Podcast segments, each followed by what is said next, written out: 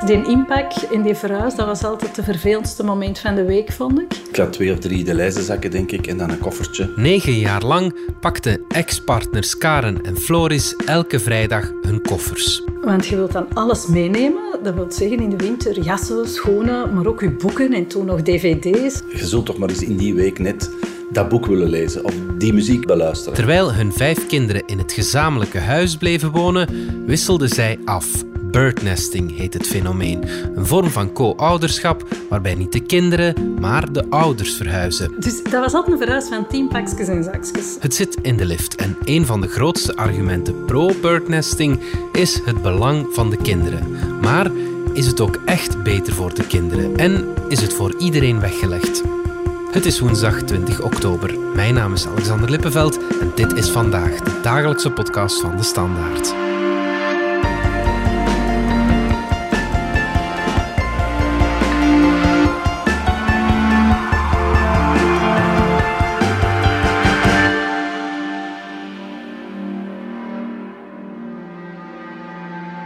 Ja, zo het idee dat je de samenhang in een gezin verbreekt, daar kan ik niet mee leven.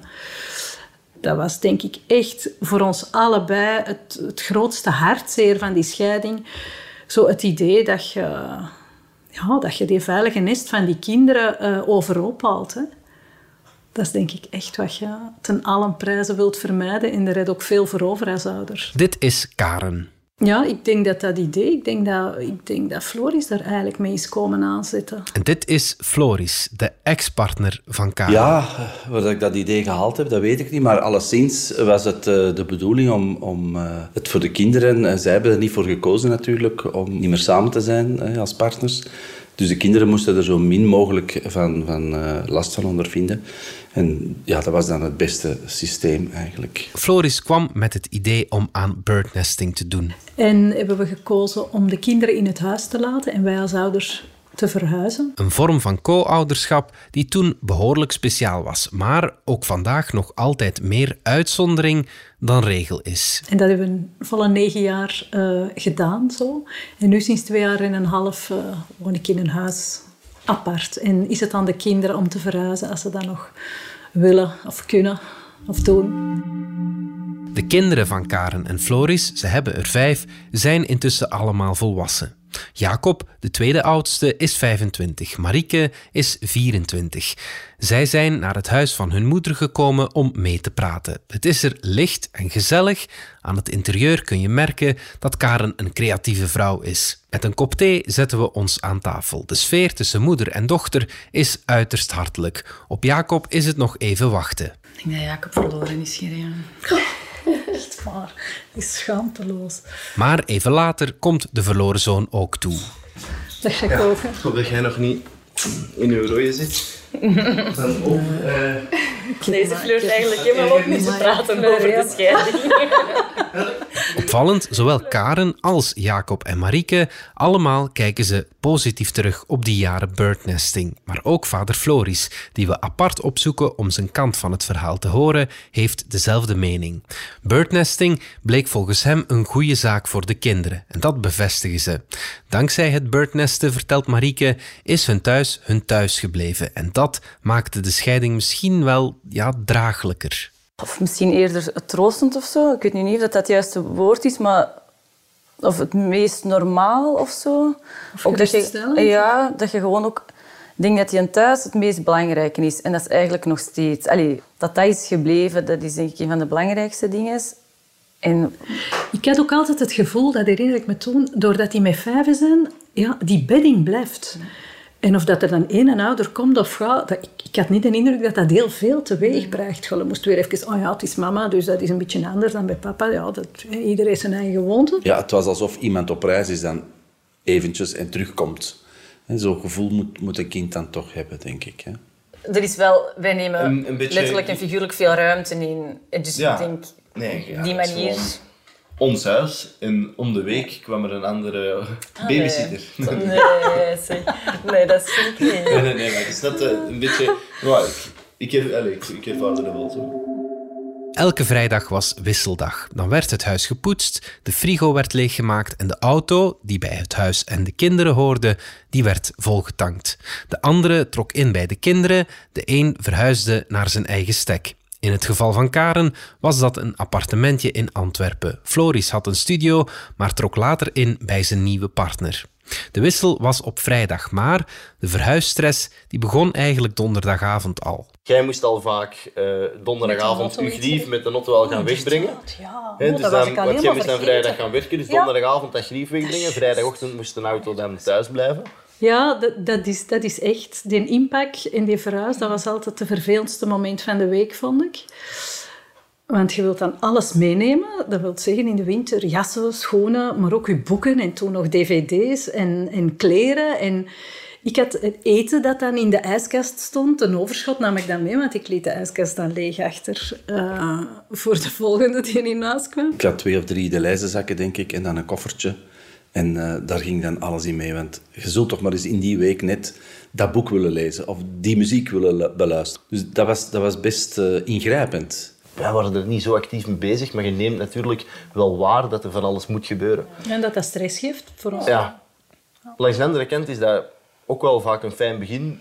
Die, want je eindigt wel in een, eh, met veel, allez, veel eh, commotie het einde van de week, maar je begint wel een nieuwe week weer op een andere, op een andere manier of zo. Ja. Daarom is je vrijdag eigenlijk nog niet zo stom. Nee, nee, dat is waar.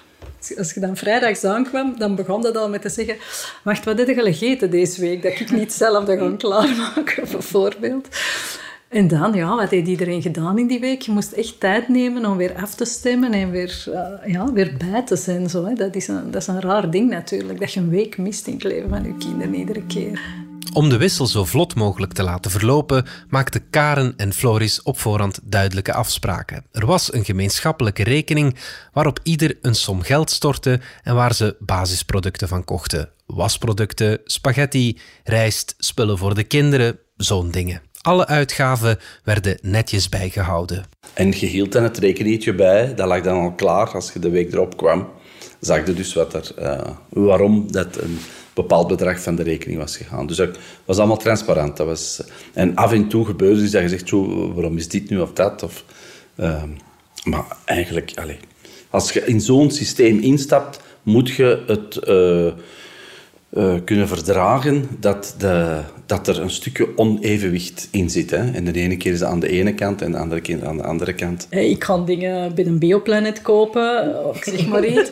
en dat kost dan duurder dan dat hij niet bij... Ah ja, ik zeg maar wat. Allee, zo'n onnozel voorbeeld. Maar ja, je, je moet een beetje... ehm, ja, hoe zeg je dat? Flexibiliteit erin hebben en zeggen... Oké, ja, we doen dat allebei op een andere manier, maar we kunnen dat aanvaarden omdat de prioriteit is van dit hier zo te bewaren. Hè. En, eh, en als het dan is iets niet helemaal comme il faut is, dan knipt een oogstje dicht en dan denkt je, ja, het is niet zo erg. En, en dat moet het, denk ik, kunnen, die bereidheid moet hebben, want anders is dat denk ik niet te doen. Als kind voelde ook wel, want er zijn, hè, wat jij zegt er juist, je moet een beetje eh, af en toe eens een oogstje dichtknijpen. Maar die ergernis die er soms wel is, uiteraard, dat voelde als kind wel best hard. Eh, dus dat is nog altijd wel iets dat, dat aanwezig is natuurlijk. Weet jij dat nog concreet? Want ik kan me dat dus al niet meer herinneren. Weet jij nog wie dat zich waaraan ergerde? Ja, bij wijze van spreken hoe de potten gestapeld zijn Ja. in de kast. Ik zet de boter op het bovenste schapje, de ex-partner zet op het onderste schapje, ik zeg maar iets. Zo'n dingen, ja, daar moeten we dan tegen kunnen. Hè. Tot Ja. de, de autostoel die- die veel te naar de Ah, ja, ja. onnozelste dingen. Dat je gewoon denkt, ja, Dus Karen zette de stoel altijd heel dicht bij het stuur. Hè. En ik kon er dan niet in. Maar ja, je denkt dan, oké, ik ga in een auto gestapt in, één been zit er dan in en dan zit de strop. de meest onnozele dingen. Maar als kind neemde dat wel waar. En meer denk ik als een volwassene dat je dat, of die spanningen kunt aanvoelen. Voor Jacob en Marieke is dat ook een van de voorwaarden als ouders voor birdnesting kiezen. De spanning tussen de ouders mag voor de kinderen niet voelbaar zijn. Ja, ik denk dat dat als kind een van de ingrijpendste dingen is. Als je een permanent aanvoelen hebt van spanning, of dat je continu in die, die week voelt dat die andere persoon zich niet op zijn gemak voelt in dat huis, of permanent ergert aan iets of zo, ja, dan denk ik dat het misschien beter is om in een plek te komen waar die ouder zich dan in zijn kracht voelt en eh, helemaal op, op eh, zijn of haar gemak is. Maar als die spanningen er niet, allee, of, of niet in te grote mate zijn, En dat faciliteert bijvoorbeeld dat wij ruimte hadden, dat wij hobby's op één plek hadden, dat je gewoon daar niet mee moest bezig zijn, dat je niet vooruit moest denken. Want dat is, allee, ik, ik, ik sla er nu al moeilijk in, laat staan dat je dan als 12-jarige Dat dat, dat, vooruit, dat vooruitdenken. Dat, alleen ik hoorde dat ook al van kinderen in de klas die, ja, die dan hun zwemgrief nog bij de anderen. Of de, de- ja, ik mag je niet aan denken. Allee.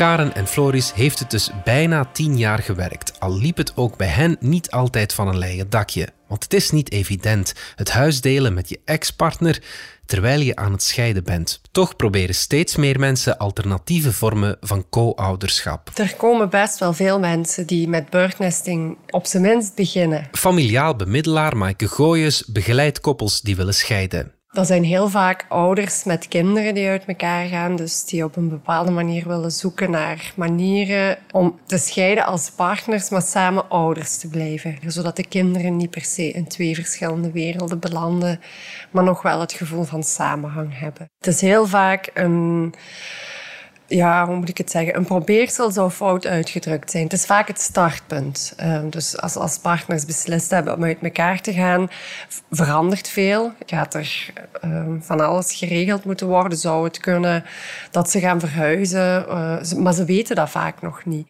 Ook voor onszelf leek dat het meest logisch om op die manier, zo hoe zegt je dat, rustig ehm, alles te laten kunnen verlopen. Je hoort Masha. Ze is moeder van drie jonge kinderen en sinds april beginnende birdnester. Dat je niet zegt van oké, we hakken nu iets af. Hè? Je bent heel lang samen geweest. Dat kun je ook niet opeens zeggen, we stoppen dat. Hè? Dus om op die manier alles rustig, eh, dat iedereen kan zoeken naar zijn eigen weg. En dat die kinderen ook het gevoel bleef houden van kijk, het is niet omdat papa en mama uit elkaar zijn, dat wij onze plaats ook kwijt zijn. Dus heel vaak wordt birdnesting gekozen als, als startpunt. En dan is er ook een groep, maar die is beperkter, die effectief wel voor ogen houden om birdnesting op langere termijn te doen. Karen en Floris besloten te birdnesten tot hun kinderen van school af waren. Masha houdt voorlopig de optie open, maar is birdnesting voor iedereen weggelegd? Want het kan nou wel mooi klinken, je blijft wel heel intens verbonden met de partner waar je tegelijkertijd van scheidt. En maakt het de scheiding misschien niet nodeloos complex voor ouders en kinderen? Ik heb enorm veel aandacht ook voor dat emotionele stukje. Het verwerken van de partnerbreuk. Omdat als het daar misgaat, als, als ouders daar niet, of partners, ex-partners ondertussen, daar niet voldoende aandacht aan geven, dan, dan komt er zo, ik noem dat een emotionele onderstroom. Dan, dan kan het in het oppervlak heel mooi lijken om samen ouders te blijven, maar dan gaat er in de onderstroom misschien toch nog ja, een rekening verheffend worden of boosheid, woede. En allee, dat, dat gaat in het ouderschap spelen. Dus zeker daar heb ik heel veel aandacht voor. Ja, het maakt afbakening op zich moeilijker natuurlijk. Hè? Anders heeft de ander helemaal zijn, zijn eigen ding en je hebt er geen inkijk meer in. Maar je kan ook niet zeggen, ik ban die ander gewoon uit mijn leven. Je hebt samen die kinderen, hè, waar dat je samen voor zorgt. Dus die vuilbak dan eens een keer moeten doen, dat zorgt misschien ook dat je eerder geneigd bent om te zeggen van... ah ja, maar we hebben bijvoorbeeld...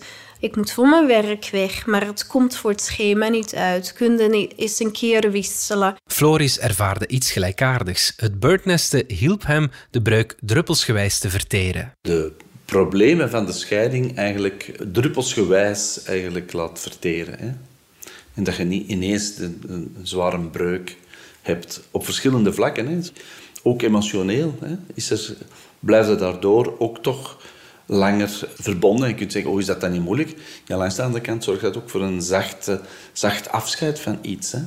Wat het ook is, het is echt rouwen ook wel, hè? Om, om iets dat er niet meer is. Ook al kiest je daarvoor om dat niet meer, eh, niet meer te hebben of, niet, of, of dat niet meer samen te hebben. Ja, het is toch een afscheid en rouwen. Je kunt dat niet anders noemen. We gaan er heel even tussenuit. Ik maak graag even wat tijd voor onze podcastreeks De schaduw van Dutroux. Intussen is het exact 25 jaar geleden dat de Witte Mars door Brussel trok. Maar dat betekent niet dat alles achter ons ligt. heeft het proces tegen Marc Dutroux en zijn uiteindelijke veroordeling iets betekend voor de verwerking van de hele zaak. In de laatste aflevering van De Schaduw van Dutroux staan we stil bij het trauma dat de hele zaak teweegbracht. De reis begint bij het huis van Dutroux in Marcinel en eindigt bij de vrijlating van zijn voormalige echtgenote, Michel Martin. Beluister de laatste aflevering via onze website en in de podcast-app van de Standaard.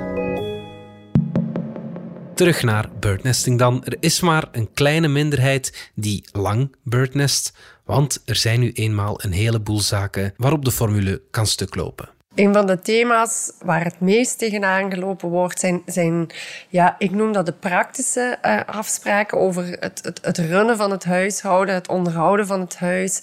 Um, dat is één aspect en het financiële aspect wel.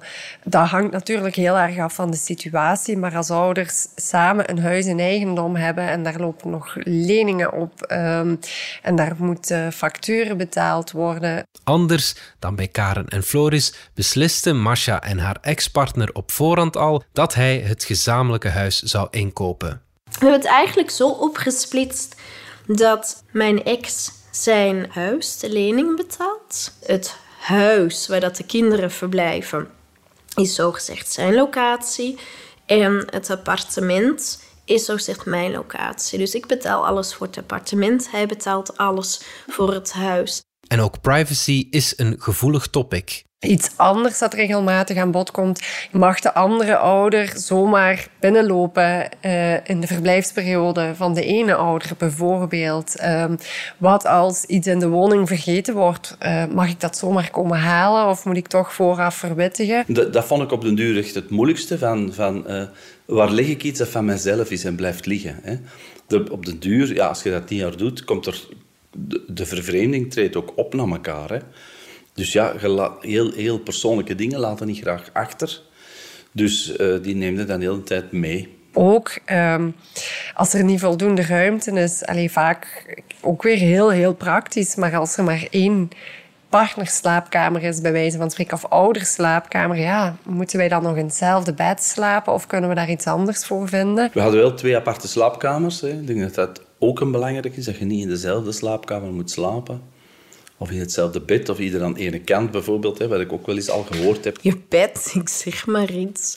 Je slaapt er alle twee in, hè? Masha deelt twee slaapkamers met haar ex-partner. Je hebt hier een, één bed staan, op die andere locatie staat ook één bed. Dus ja, evidensgewijs, je, je slaapt dan ook in dat bed waar die andere in gelegen heeft. Dus je moet wel goede afspraken maken over op, op welke manier je spullen in, in die andere locatie, hoe, dat je dat gebruikt en wat dat je van je eigen spullen weglegt.